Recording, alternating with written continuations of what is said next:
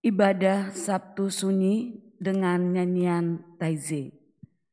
Sabtu 3 April 2021 dilayani oleh Penatua Kristian Dewantara, calon pendeta GKI Sarua Indah dengan tema pengharapan di tengah duka.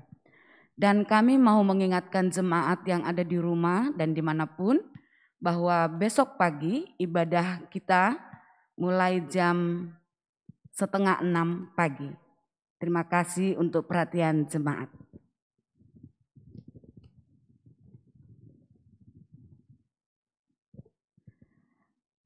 Pada hari ini kita turut merasakan kegelisahan dan kesedihan para pengikut Yesus setelah ia disalibkan. Dengan sikap hati yang teduh, kita menundukkan diri di hadapannya. Kita memohon agar Kristus tetap menerangi hati kita dengan cinta kasihnya. Agar kehidupan kita tidak dikuasai oleh kegelapan. Aku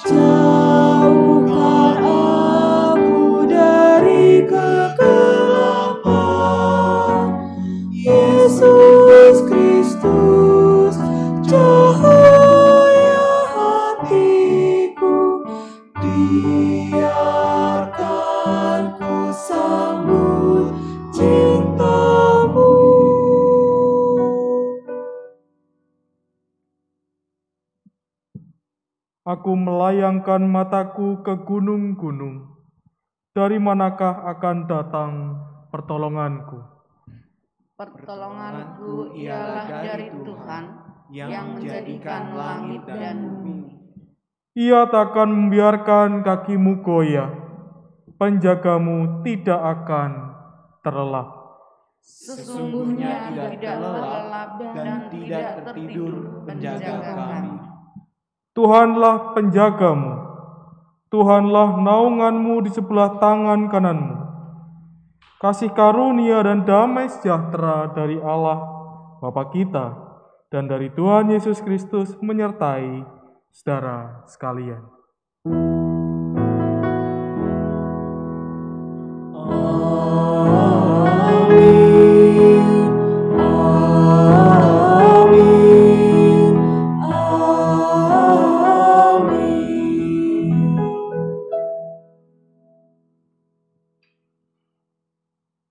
Manusia yang lahir dari perempuan singkat umurnya dan penuh kegelisahan. Seperti bunga ia berkembang, lalu layu. Seperti bayang-bayang ia hilang lenyap dan tidak dapat bertahan.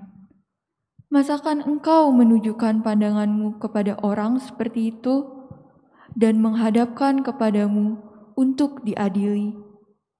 Siapa dapat mendatangkan yang tahir dari yang najis? Seorang pun tidak. Jikalau hari-harinya sudah pasti dan jumlah bulannya sudah tentu padamu dan batas-batasnya sudah kau tetapkan, sehingga tidak dapat dilangkahinya. Hendaklah kau alihkan pandanganmu daripadanya, agar ia beristirahat, sehingga ia seperti orang upahan dapat menikmati harinya. Tinggallah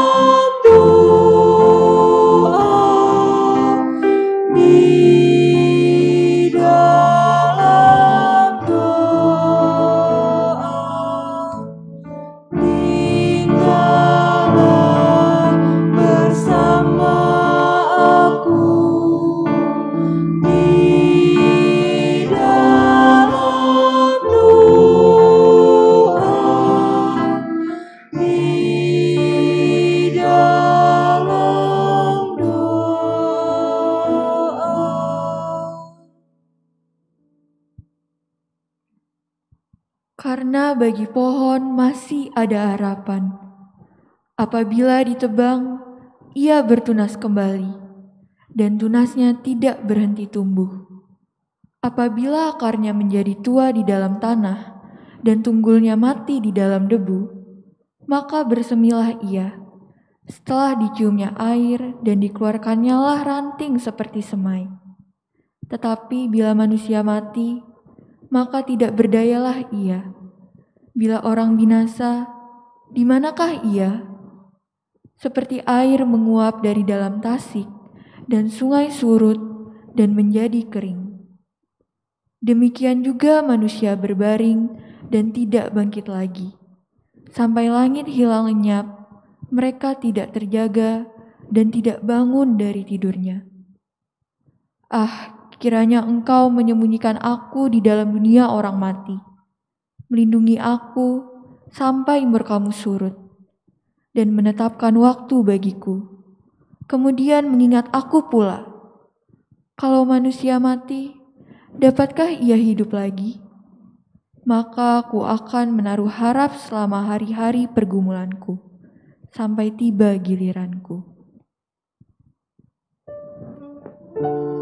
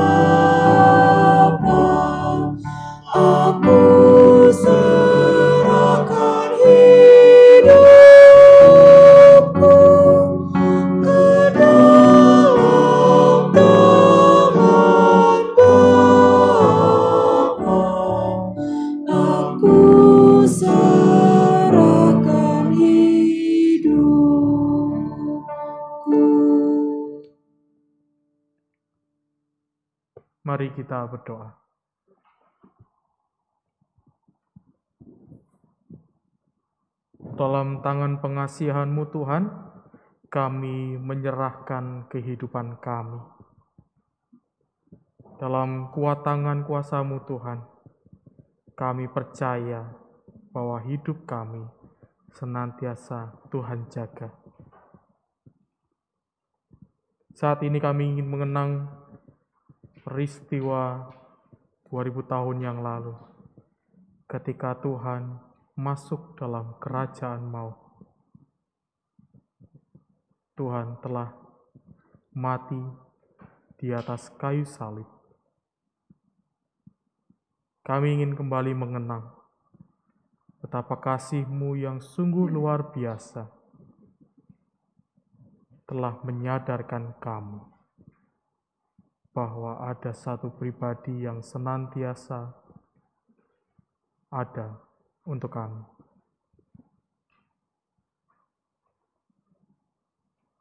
Kerinduan kami Tuhan juga membawa kami untuk selalu haus akan firman-Mu. Dan bila sebentar firman-Mu akan diwartakan, kami siap mendengar. Berfirmanlah Tuhan. Demi Kristus Yesus kami berdoa. Amin. Matius pasal 27 ayat 57 sampai 66.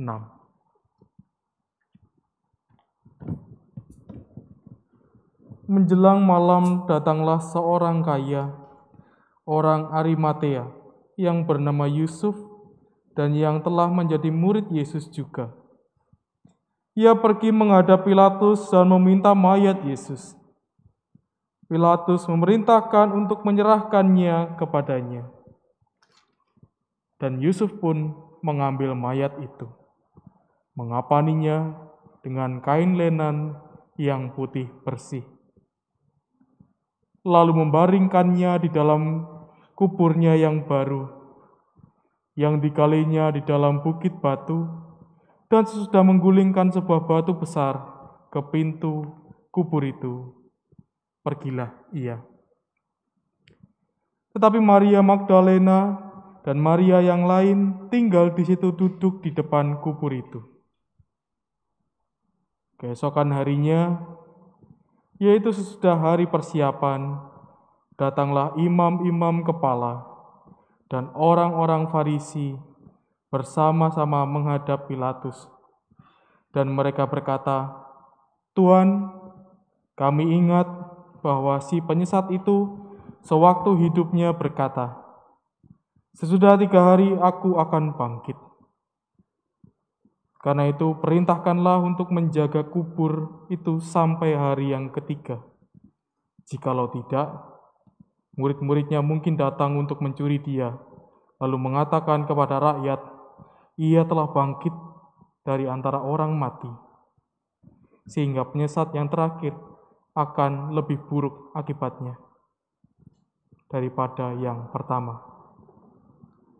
Kata Pilatus kepada mereka, ini penjaga-penjaga bagimu. Pergi dan jagalah kubur itu sebaik-baiknya.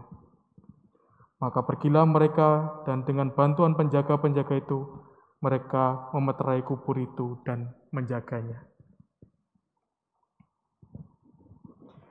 Kedukaan adalah sebuah hal yang akan kita hadapi, siapa pun kita. Kedukaan akan menjadi bagian dalam kehidupan kita, karena kematian adalah sebuah kepastian yang akan kita hadapi kelak. Namun, banyak cara untuk merespon kedukaan. Namun, banyak juga jalan, sikap ketika kita ingin menunjukkan saat kita berduka. Setidaknya kita bisa belajar melalui empat sosok dalam bacaan kita. Tiga dan yang satu tidak langsung tersirat dalam bacaan kita. Yang pertama adalah Yusuf dari Arimatia. Ia disebutkan adalah seorang murid Yesus. Walaupun bahkan kalau kita melihat, ia jarang sekali dituliskan dalam Alkitab.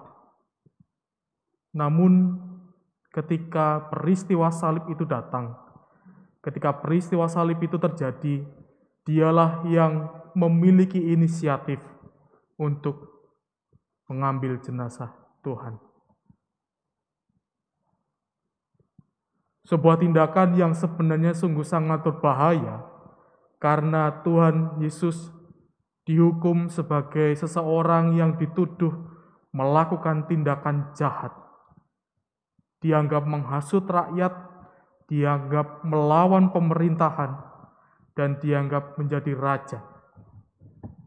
Sebuah keputusan yang berani yang diambil oleh Yusuf dari Arimatea. Sebuah sikap kedukaan yang luar biasa. Yaitu dia mau terus bergerak ketika ia sendiri juga sedang berduka. Tidak mudah memang untuk menjadi seperti Yusuf dari Arimatea. Tidak mudah menjadi Yusuf dari Arimatea ketika kita sedang kalut, ketika kita sedang hancur hati, ketika kita sedang ragu-ragu bahkan takut, lalu dapat melangkah dengan tepat dan juga melakukan sesuatu secara nyata.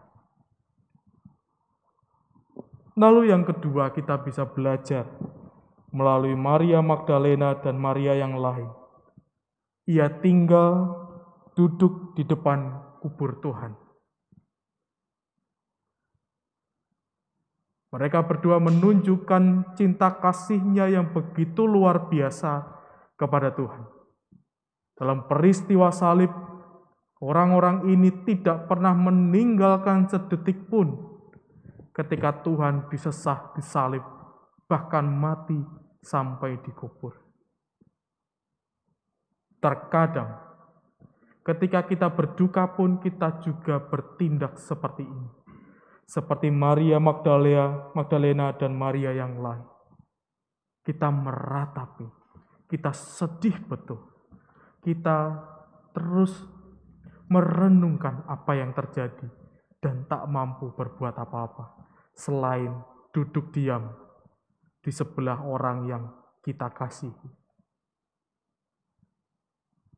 Sosok lain yang tidak tertulis namun juga harus kita renungkan adalah para murid.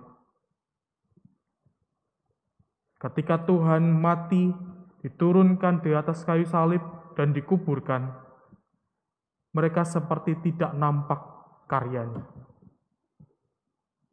Ada banyak hal yang mungkin saja terjadi.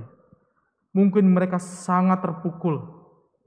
Mungkin juga mereka ketakutan setengah mati Mungkin juga mereka ragu untuk melakukan sesuatu karena guru yang mereka kasihi meninggal dengan sangat tragis.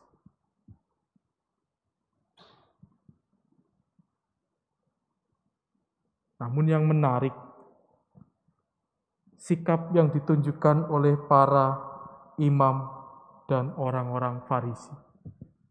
Orang-orang yang selama hidup Kristus memusuhinya malah mengingat betul apa yang dikatakan Tuhan, yaitu bahwa Tuhan akan bangkit di hari yang ketiga. Ketika para murid berduka, ketika para murid bersedih hati, ketika para murid takut, mereka bingung dan tidak mampu bersikap secara tepat, dan lupa semua dengan apa yang dikatakan oleh Tuhan. Malah orang-orang yang selama hidup Kristus, selama pelayanan Kristus menentang dia, malah mengingat betul momen ketika Tuhan mengatakan ia akan bangkit di hari yang ketiga, ketika ia mati. Apa yang kita bisa pelajari dari hal ini? Bahwa memang benar, kedukaan tidak mudah untuk dihadapi. Tidak selalu kedukaan itu bisa kita jalani dengan baik dan normal seperti yang dilakukan oleh Yusuf dari Arimatea. Mungkin ketika kita sedang berduka, kita seperti para murid dan Maria Magdalena serta Maria yang lain. Tak mampu untuk melihat cahaya yang sudah dipersiapkan Tuhan tak mampu untuk melihat rencana besar yang sudah Tuhan persiapkan untuk kita. Bahkan mungkin hanya meratapi nasib tanpa sadar bahwa Tuhan telah beserta dan terus beserta.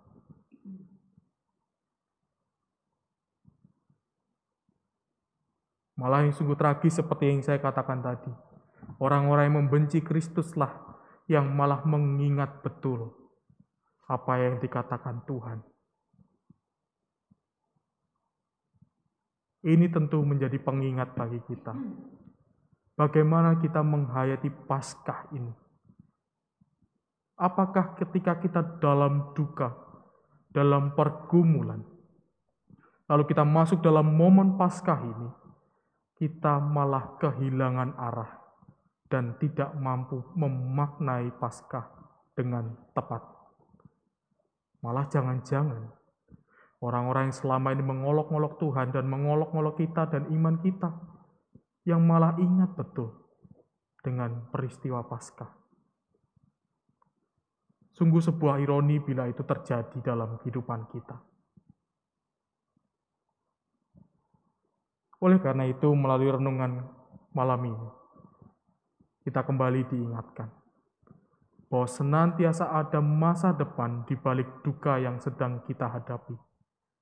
Tuhan sudah menyiapkan sebuah rencana yang besar yang bisa kita jalani dan hadapi ketika kita mampu bergerak seperti Yusuf dari Arimatea. Seperti para murid yang akhirnya ikut bergerak, disadarkan kembali bahwa mereka punya tugas yang luar biasa. Pun demikian juga kita. Kita sebagai orang-orang yang mengasihi Kristus dan dikasih Kristus, sudah seharusnya kita pun juga hidup dalam kasihnya. Betapapun sulit kehidupan kita saat ini. Biarlah melalui keheningan malam ini nanti, kita boleh merenungkan kembali kasih Allah. Biarlah melalui malam hari ini, dalam keheningan malam ini, kita kembali mengingat lagi begitu besarnya pengorbanan Allah bagi kehidupan kita responlah itu dengan tepat.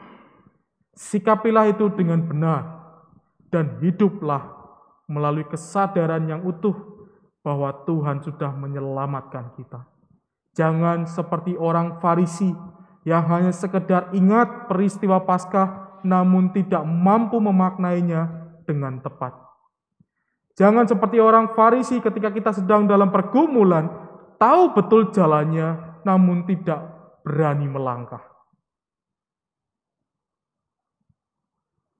Teruslah bergerak bila ada dalam duka. Teruslah melangkah bila ada dalam pergumulan. Percayalah bahwa Tuhan tetap menyertai dan Tuhan tetap menjaga. Amin.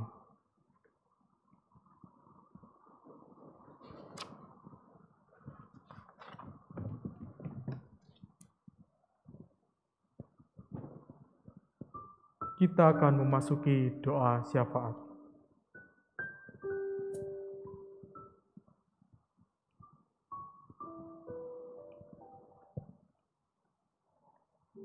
Mari kita berdoa.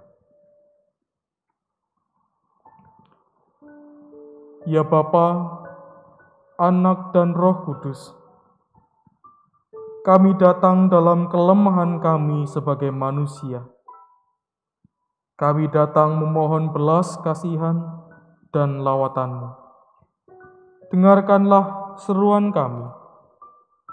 Dalam Yesus kami memohon.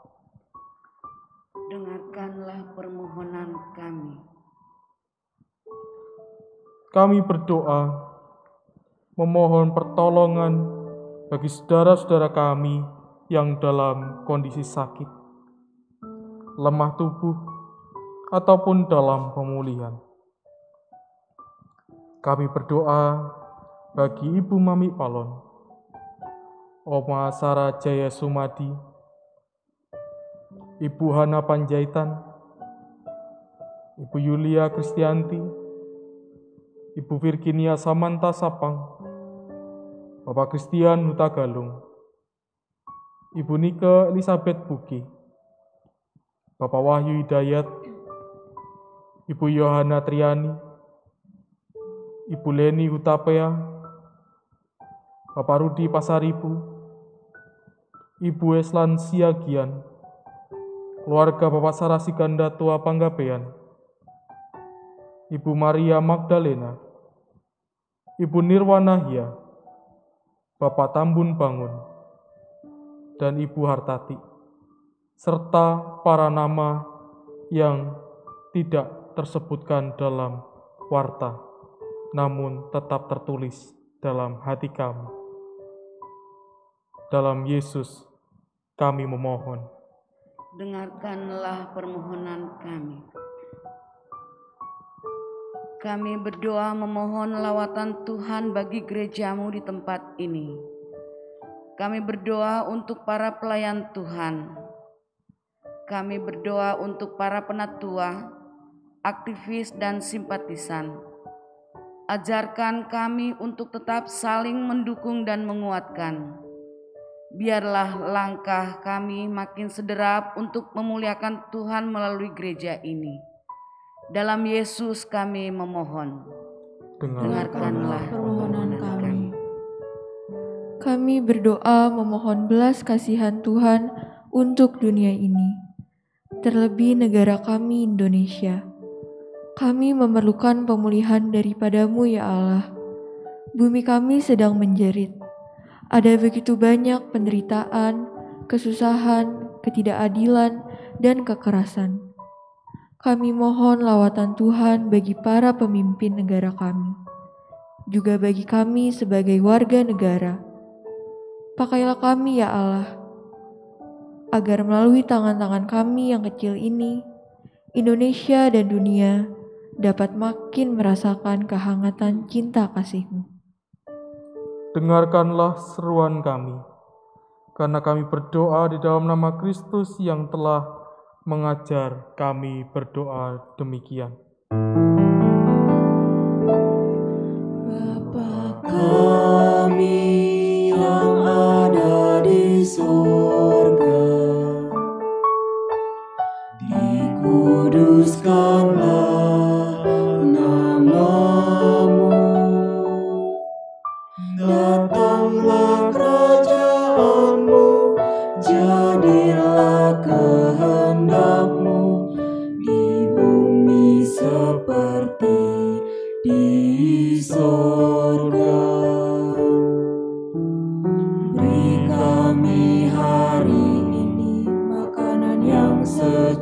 secukupnya.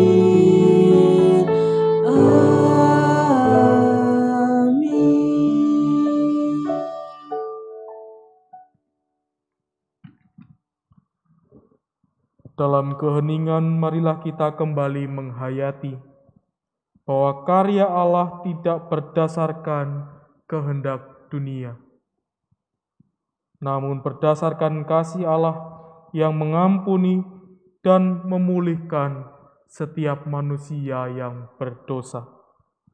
Ia hadir dalam suka, ia pun hadir dalam duka. Ia peduli dengan kesulitan kita. Marilah kita tinggal tenang dalam pertolongan Tuhan.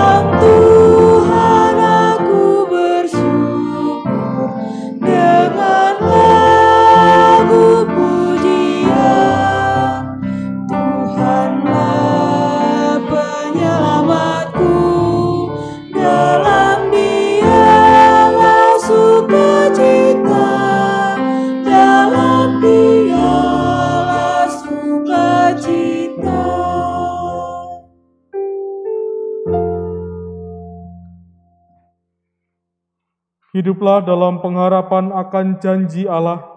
Ia terus berkarya walaupun dalam situasi kehidupan kita yang berat. Jalanilah hidup dengan teguh dan setialah melakukan panggilannya. Syukur kepada Allah. Sekarang mari kita menerima berkat dari Tuhan. Tuhan memberkati kita dan melindungi kita. Tuhan menyinari kita dengan wajahnya dan memberi kita kasih karunia. Tuhan menghadapkan wajahnya kepada kita dan memberi kita damai sejahtera. Amin.